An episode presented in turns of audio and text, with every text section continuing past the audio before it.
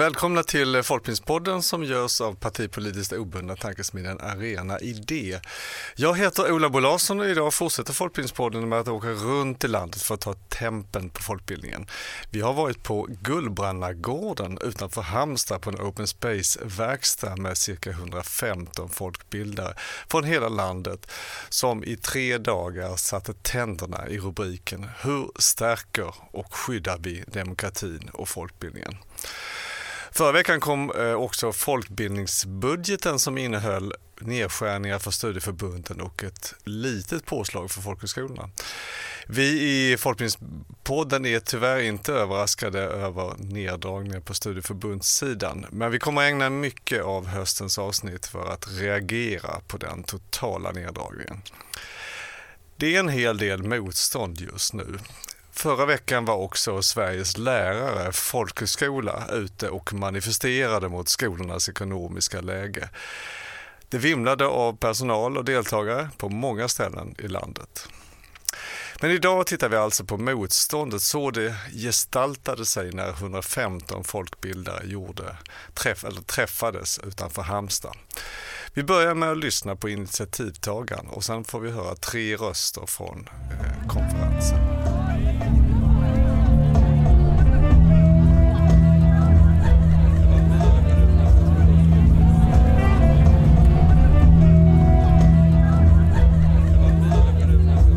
Jag sitter här med eh, upphovskvinnan till eh, Open Space-tillfället som heter Hur stärker och skyddar vi demokratin och folkbildningen? Kina Skoglund, hur kommer det sig att du kom på den här tanken att vi skulle ha det på det här sättet? Jag har följt hur liksom, eh, samhällsutvecklingen har varit under många år. Alltså jag jobbar mycket med olika samhällsfrågor. Ehm, Eh, kom egentligen från funktionsrättsrörelsen från början. Eh, har också följt demokratiutvecklingen länge. För det, jag brinner mycket för liksom alla människors röst och att alla får ta del och att alla är en del av samhället och får vara med och skapa samhället. Och när man började liksom ge sig på folkbildningen för några år sedan som ett strategiskt man, säger jag, men då menar jag ju politiskt givetvis, för att försvaga demokratin, då blir jag väldigt orolig. För att det är ju ett väldigt effektivt sätt att ge sig på demokratin är ju att ge sig på folkbildningen. Så då kände jag att jag måste göra någonting och jag hade väl hoppats kanske att eh, studieförbunden och folkhögskolorna och intresseorganisationerna skulle ta ett sånt här initiativ. Jag har väntat ganska länge. Men nu när det kommer de här förslagen som kommer, nu måste jag, jag har ett ganska stort nätverk inom civilsamhället och inom folkbildningen. Så jag kände att nej, men, då får jag väl kolla om några av dem jag har jobbat med är intresserade av att göra någonting. Mm. Så det var egentligen så det började. Och vad, vad, tänker du, vilka exakt delar är det som du såg liksom hända i, eh, för folkbildningen? Ja, men under många år har man ju liksom försökt, upplever jag, blanda korten. Alltså där bildning, utbildning, komvux, folkhögskola. Att man skulle på något sätt se att det är lite samma sak. Och att att man inte ser hur mycket stor del av samhället folkbildningen representerar. Alla samarbeten och partnerskap och allt det här och olika grupper som liksom gynnas av folkbildningen för att ta ett steg in i samhället och få liksom de, bli delaktiga. Och det, som man, det som jag har sett liksom har ju varit, men nu har det ju, dels har det varit en förskjutning i retorik, tycker jag, hur man använder ord för att lättare liksom förskjuta saker åt ett visst politiskt håll. Men nu har det ju också blivit konkret politik. Alltså det här att man lägger förslag och tar bort allmänna linjer på folkhögskolor. Man pratar om att vi vill prioritera om och lägga mer på vuxenutbildning och komvux. Och skära ner studieförbundens och säga att de inte får jobba med vissa delar och alltså likrikta kanske utbildningsföretag alltså med studieförbund, att det blir självfinansiering och mindre statliga. Alltså det blir ju en förskjutning av att man inte längre från statligt håll vill säga att det här är viktigt för vår demokratiska utveckling. Och jag är ju rädd att de fyra syftena ryker ganska snart för att man vill ta bort de statliga pengarna helt mm. enkelt. Så det finns ju mycket tänker jag. Det finns många saker men mm. jag är nog mest orolig över den retoriska förskjutningen om jag ska vara helt ärlig. För den tror jag inte att allmänheten känner till eller märker av för den går ju ganska långsamt det här. Men det är åtminstone bakgrunden till att du har eh, ja. dragit ihop det här gänget som är, hur många, hur många människor är det som är här på, på den här Open Space-träffen? Nu är vi 115 som är här. Är, vi har haft 30 avanmälningar, tyvärr. Eh, och det är väl också ett symptom. Folk hinner inte, man orkar inte för att man har så mycket, alltså det, det har kommit så mycket eh, nya direktiv för folkbildningen som, som gör också att man är så oerhört pressad. Alla de här kontrollerna, man ska, liksom, man ska göra om organisationen nu får möta de här nya kraven och allt det här. Så det har ju varit en sån här att vi hinner inte åka, vi hinner inte lyfta blicken, vi hinner inte titta i ett större perspektiv för vi måste uppfylla det här. Så att jag tror ju att vi hade varit otroligt, otroligt många fler om inte det hade varit så pressat för folkbildningen just nu. Det är många som har skrivit liksom så här, vi hade velat komma men vi hinner inte, vi orkar inte, mm. vi klarar inte och så. Men vi har varit 115 och det är ju fantastiskt som har lagt tre dagar. Absolut, på en camping utanför Halmstad och folk från olika delar av landet. Så det är imponerande. Jag tänkte, kan du berätta lite mer för de som inte är här, vad, vad, vad som har hänt och de här nu har det gått två dagar, det är en dag kvar, men vad är det, hur är upplägget? Alltså upplägget har varit första kvällen hade vi storytelling. Vi började vid sex och höll på till nio. Så hade vi ganska lång incheckning. För det är också en sån här grej att landa in, att lära känna varandra, skapa tillit, skapa safe space. Liksom. Att vi känner att vi... Ja, men när man vågar dela med sig. Demokrati är ju mycket tillit till systemet, tillit till varandra, relationer och så. Där vi delade liksom Liten ny, nulägesanalys eller liksom egna reflektioner om hur ser man på samhället just nu när det gäller demokrati och folkbildning. Vad är det man ser? Och det var ganska tungt. Många unga fram, framförallt som är här sa det att det blir svårare och svårare att känna att man har en röst i samhället. Så, men, men det var också det kändes väldigt fint att det fick plats. För vi var ju det är ju många som är liksom oroade över utvecklingen och att man också får ge det plats. Att oron också får finnas samtidigt som vi kan jobba med hoppet. Så det gjorde vi första dagen och idag har vi haft dialogdag. Vi har också haft politiker här från lite olika, Halland och Halmstad och Jönköping och lite så. Där vi har jobbat eh, självorganiserat med de sakerna som folk har tagit upp och suttit i olika grupper och pratat om de sakerna. Och imorgon ska vi jobba och göra handlingsplaner, hur, hur man vill gå vidare. Man skräddarsyr ju sin egen konferens. Man går ju på de passen som passar en och man går in i handlingsplaner där man vill lägga sin tid och kraft. Eller kan man bara vara här och lyssna om man vill. Så att alla kommer ju åka härifrån med sina egna handlingsplaner.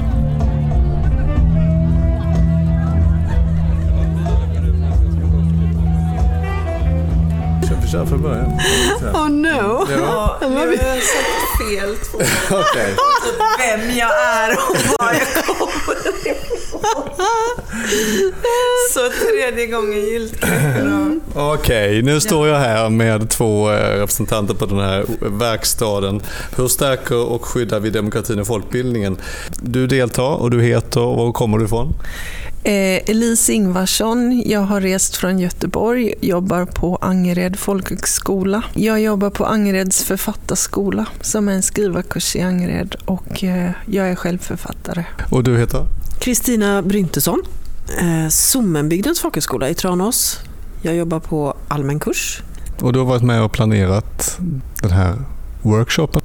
Jag har funnits med som referensgrupp utifrån att Kinna som är initiativtagare kom till Tranås och, eh, om just hotet mot folkbildningen och demokratin och frågade sen om vi ville vara med och det tyckte vi var intressant. Tycker du att folkbildningen är hotad?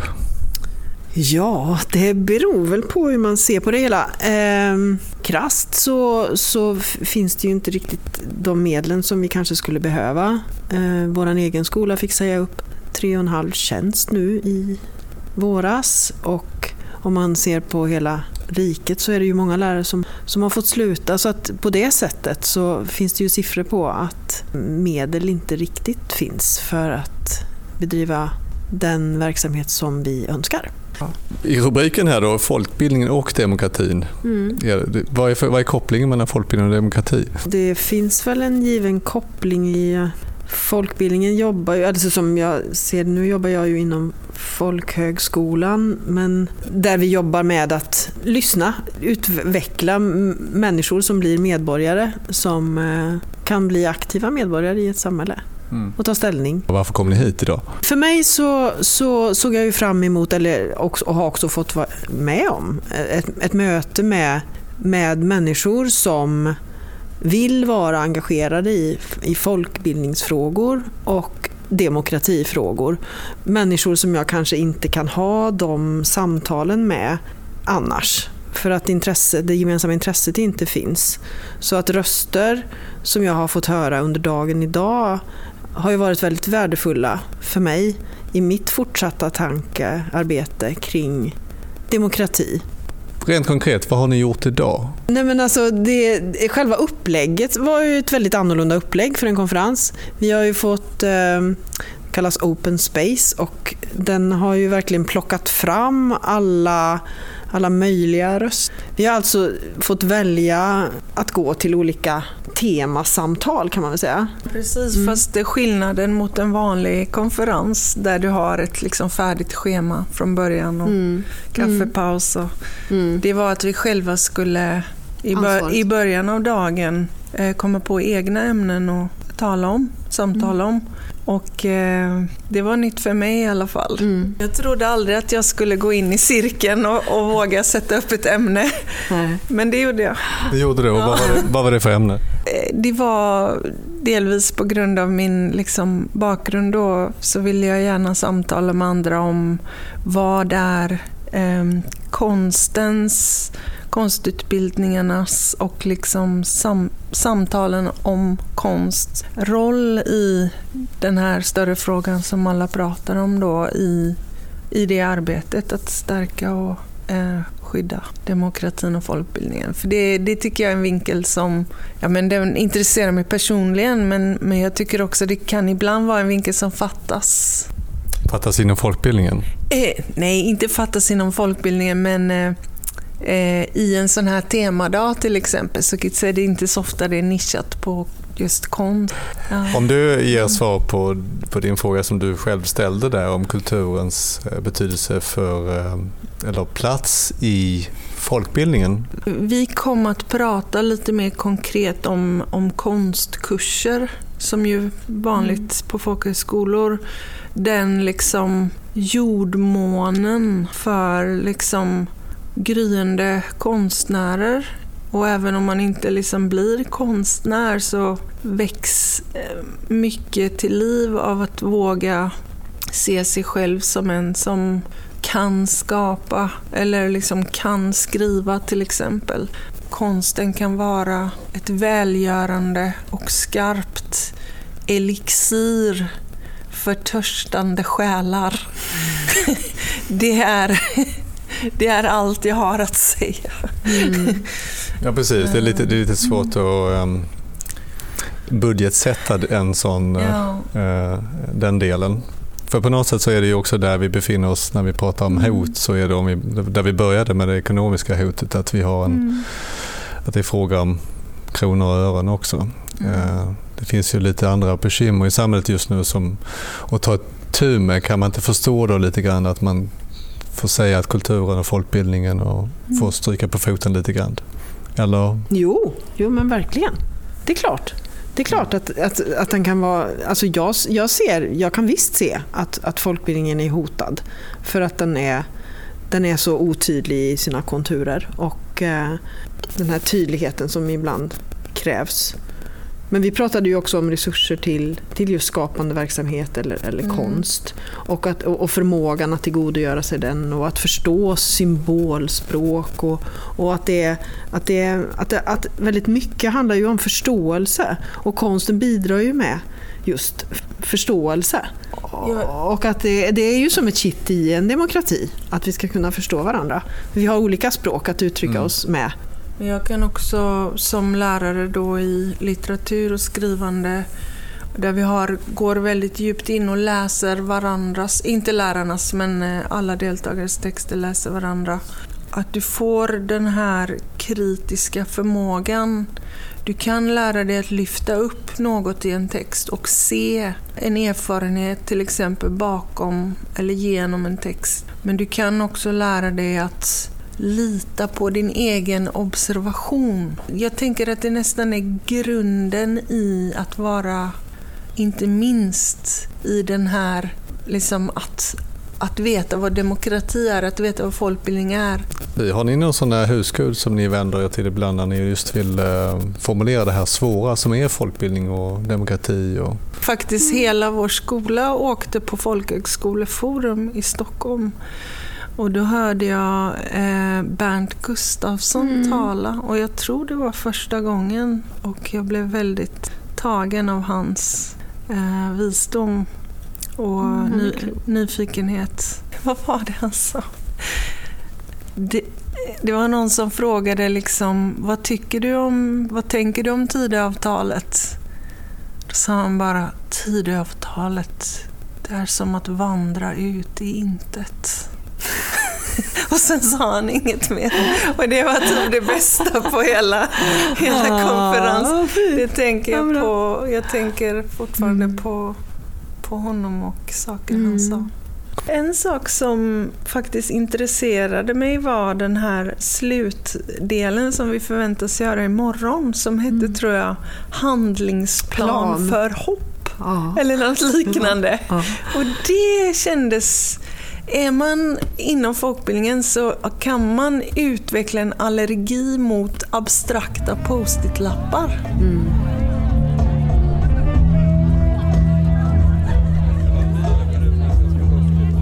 Vad tycker du är värt att lyfta när vi tittar på demokratin? Nej, men det är väl att fler och fler människor inte känner sig delaktiga i samhällsutvecklingen och att man känner sig utanför på olika sätt. Och då har vi ett problem, för demokratin bygger ju på att alla har en röst och att alla ska få vara med och alla är, vi skapar samhället tillsammans. Och många unga, många med utländsk bakgrund, många marginaliserade grupper överhuvudtaget säger ju att de kommer längre och längre ifrån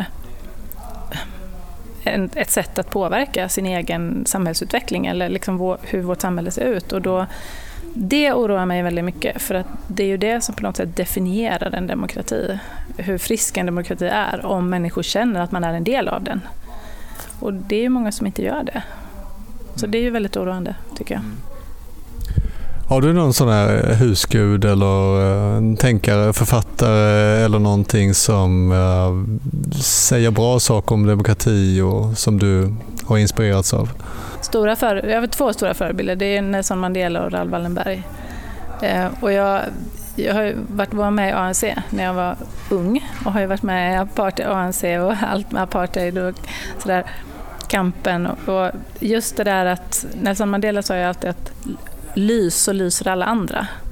Och jag tänker att den försöker jag, alltså den tar jag ofta med mig när det gäller liksom allt jag gör, men också nu när det gäller demokratin, att man, att man på något sätt, att jag tar plats, att jag gör saker, att jag tar initiativ. För det, inspirerar, det är ju många som har sagt det här, eftersom det här, att om jag ensam kan göra det här som vi har gjort, så att, men då kan jag ju också göra något hemma. Eller jag kan, att man också liksom skapar hopp genom den man är. Man behöver inte alltid mäta i vad man presterar, eller vad man, men att jag, liksom, att jag förverkligar det som är viktigt för mig. Det är väl, Nelson Mandela, det är väl det jag, liksom det här att det går att förändra och, genom att vara den man är och vara tålmodig. Liksom. Och sen Raoul Wallenbergs eh, gärning är ju... Eh, jag blev nominerad till Raoul Wallenbergpriset eh, det året som Lovette Yellow vann. Eh, och mina barn sa då, mamma, de, mina barn är födda i Sydafrika, så de sa mamma jätteroligt att du är nominerad men vi hoppas ju att Lovette vinner. och jag hoppades också det och hon vann ju. Så det var ju, så, det var ju fantastiskt. Men att jag alltid liksom, han, det har alltid varit en att göra en sak fast man vet att man inte kan rädda alla eller att man inte kan lösa allt men ändå göra det man kan och göra det så övertygat så att man riskerar sitt eget liv och man man liksom gnetar på person för person. Man räddar liksom en i taget och så vet att ändå mission impossible nästan. Det har inspirerat mig mycket att liksom inte tänka att jag är, det jag gör är för litet. Att varje grej jag gör är viktigt. Mm. Så det är nog en sån, när jag går upp på morgonen så tänker jag, vad ska jag göra för bra idag? så, så, det ger mig också mycket kraft att mm. inte liksom tänka på det här stora, mörka som är svårt utan mm. jag gör varje dag vad jag kan och den här konferensen, det är ju jätteroligt att vi har fått till den. Mm. Tillbaka till folkbildning, vad har du för förhoppningar framåt när det gäller folkbildningen och eh, ja, Vad, vad, vad kan man hoppas på? Ja, första är väl att, man, att inte Folkbildningsrådet blir en myndighet. Det får jag nog säga väldigt konkret. Det skulle oroa mig mycket. För då blir det en politisk styrning som blir helt annorlunda. Än vad det, då är det inte fritt och frivilligt längre i den formen som vi har det idag. Men sen hoppas jag också att kanske systemet för hur man tänker folkbildning, att det här samverkan mellan studieförbunden och mellan folkhögskolor och studieförbunden och att det också blir ett system, det har vi pratat väldigt mycket om idag, som främjar samverkan. Som idag känns det som att det, det är inte riktigt så. Det är svårt. Man kan inte dubbelrapportera för man kan inte ha samma arrangemang. Vem ska räkna de liksom, pinnarna och sådär. Så, och det här att man nu också försöker nischa sig. Det kan ju vara bra på ett sätt men det kan ju också göra att det, det minskar samverkan för alla ska vara så olika så att man är mer upptagen med sitt eget varumärke liksom, än att hitta demokratisamverkan. Så det önskar jag väl också hoppas att eh, det som har hänt här idag, för det är många från Folkbildningen som har varit här och suttit i grupper och liksom tagit steg att vi måste samverka mer och hur ska vi främja demokratiuppdraget? Kan vi göra någonting utanför vår ordinarie verksamhet? Alltså hitta lite nya sätt att jobba just med demokratiuppdraget.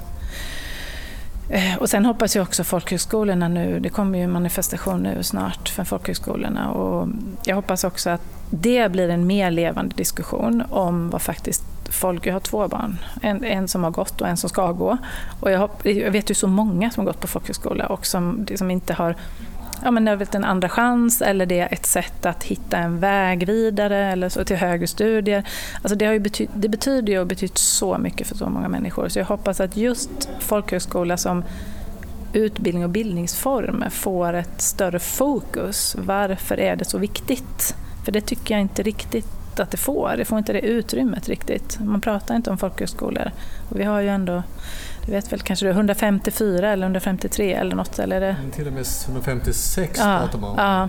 Det är ju väldigt många folkhögskolor mm. och ägs av olika civilsamhällesorganisationer och miljörörelsen har ju en del folkhögskolor nu också. Det finns ju så mycket viktiga också inriktningar för folkhögskolorna som man också tappar om det skulle bli så. så det hoppas jag också. Mer diskussion om folk.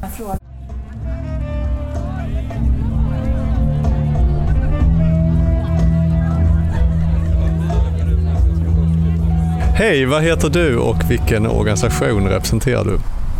Emelie Veski, Jag är här från Ibn Rushd studieförbund.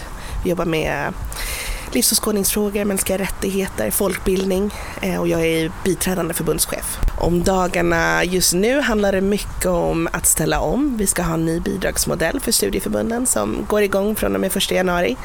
Eh, och sen handlar det mycket om att bygga kraft och få ut folkbildningen. Att eh, se till att den når fler. Varför är du här på den här konferensen Hur stärker och skyddar vi demokratin och folkbildningen? Jag tänker att vi är fler och fler som upplever ett tydligt hot mot demokratin. Och folkbildningen är ju en av liksom, nyckelfundamenten för att överhuvudtaget ha en demokrati. Och när jag säger hot mot demokratin, då tänker jag att det är ett hot både mot kunskapssamhället, alltså vad som är fakta, vad som är sant, vem det är som försöker påverka vad vi ska tycka. Men också organiseringen, alltså civilsamhället. Och där är ju folkbildningen, bidrar ju med båda delarna. Vid infrastrukturen till svenskt föreningsliv så har vi ingen folkbildning längre och de avfinansieringen och kontrollen utav folkbildningen blir så pass kvävande det som händer då är ju att civilsamhället inte heller har någon infrastruktur att stå på. Så därför är jag här. Och vad hade du hoppats att du skulle liksom få här innan du kom hit? Jag kanske inte lösningar på alla problemen. Snarare ja, få dela en nulägesanalys med fler Eh, det är fler och fler som känner av det här men det är fortfarande många som inte känner av det krympande utrymmet överhuvudtaget. Och det tänker jag är det svåraste i den här situationen, att de som är mest drabbade, de som är hårdast drabbade, de känner det mer och mer. Medan de som kanske inte känner av det alls kommer fortfarande att fortsätta att inte känna någon stor skillnad förrän vi har stora delar av folkbildningen nedmonterad då kommer det bli ett problem för alla. Nu har ni haft en sån här open space-metod i dagarna tre. Vilka frågor har du ägnat, eh, pratat med, med andra om då? Personligen, vad jag har bidragit med här är att så här dela hur jag orkar. Hur jag vågar vara modig, hur jag skapar hållbarhet i mitt engagemang, hur jag väljer att organisera mig. Och förhoppningsvis så kan det liksom bli råd till de som söker svar på de frågorna. För det är många som vill engagera sig i de olika demokratifrågorna och stå upp och vara en motståndskraft liksom för inkludering, för ett öppet och tillgängligt Sverige. Men man vet inte hur. Vad är dina standardtips? Mina standardtips, eh, ja, men att inte vara ensam i ett engagemang. Jag eh, tänker på Erik Amnos studie för några år sedan som säger att 56 eh, procent av civilsamhällesengagemanget utförs av 5 procent av de engagerade. Vi måste bli mycket bättre på att inkludera fler, särskilt när folk säger att de vill bli inkluderade.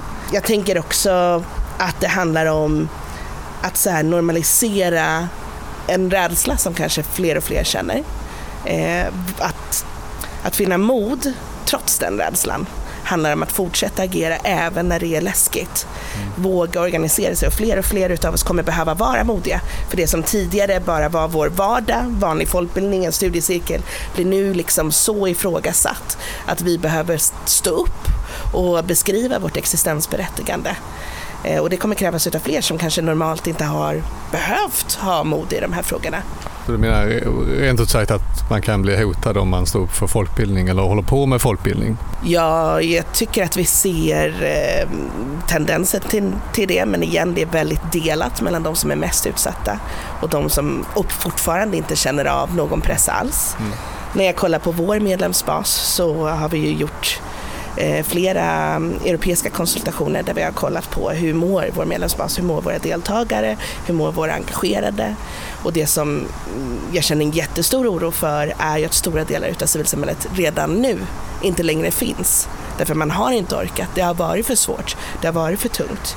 På tillfällen som Almedalen, en stor del av civilsamhället som var där för tio år sedan, är inte där längre.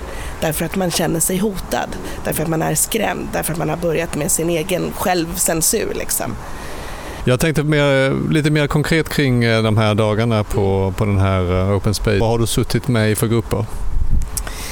Jag har djupdykt mycket. Jag har varit en sån här kallad humla under några tillfällen. Och hur är man då?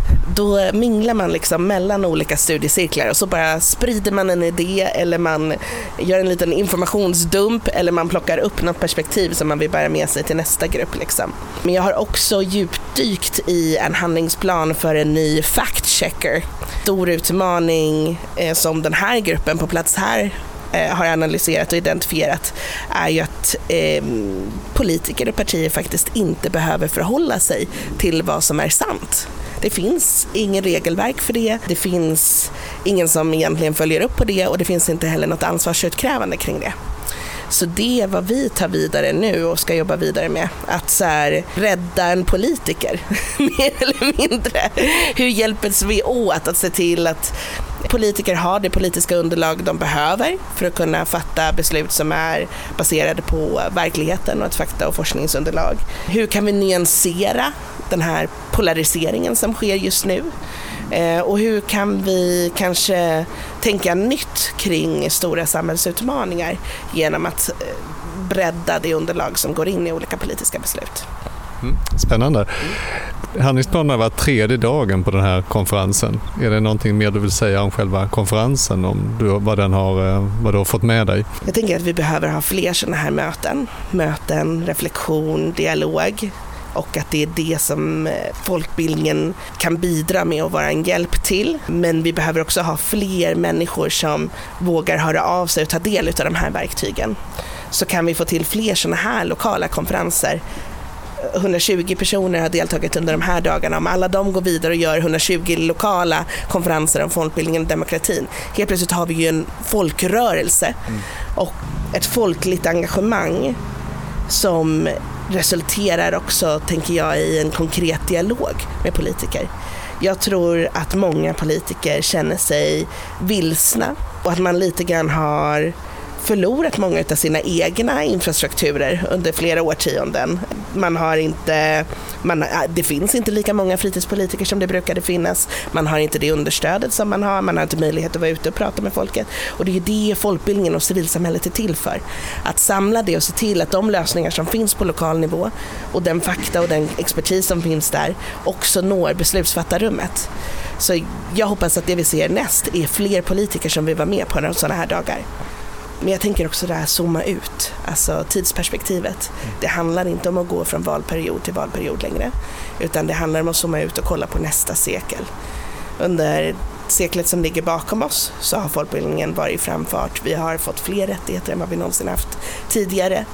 Och zoomar vi på historisk nivå så har vi epoker som renässansen och upplysningen eh, som sen blev till någonting annat. Och när vi laddar för nästa sekel Även fast det kanske känns som att vi backar tidvis så måste vi påminna oss om att vi kanske står emot och samlar kraft för någonting som hade kunnat bli ännu värre. Och eh, att vi kanske inte ändrar nästa valresultat utan det handlar om att stå upp för den grundläggande värdekompassen över nästa mandatperiod också. Ehm, så det ger mig kraft att inte fokusera på det lilla utan mm. tänka långsiktigt. Säger Emelie Weski från Ibn Rushd. Tack så hemskt mycket för att vi kunde pratas vid. Tack du för att vi fick vara med.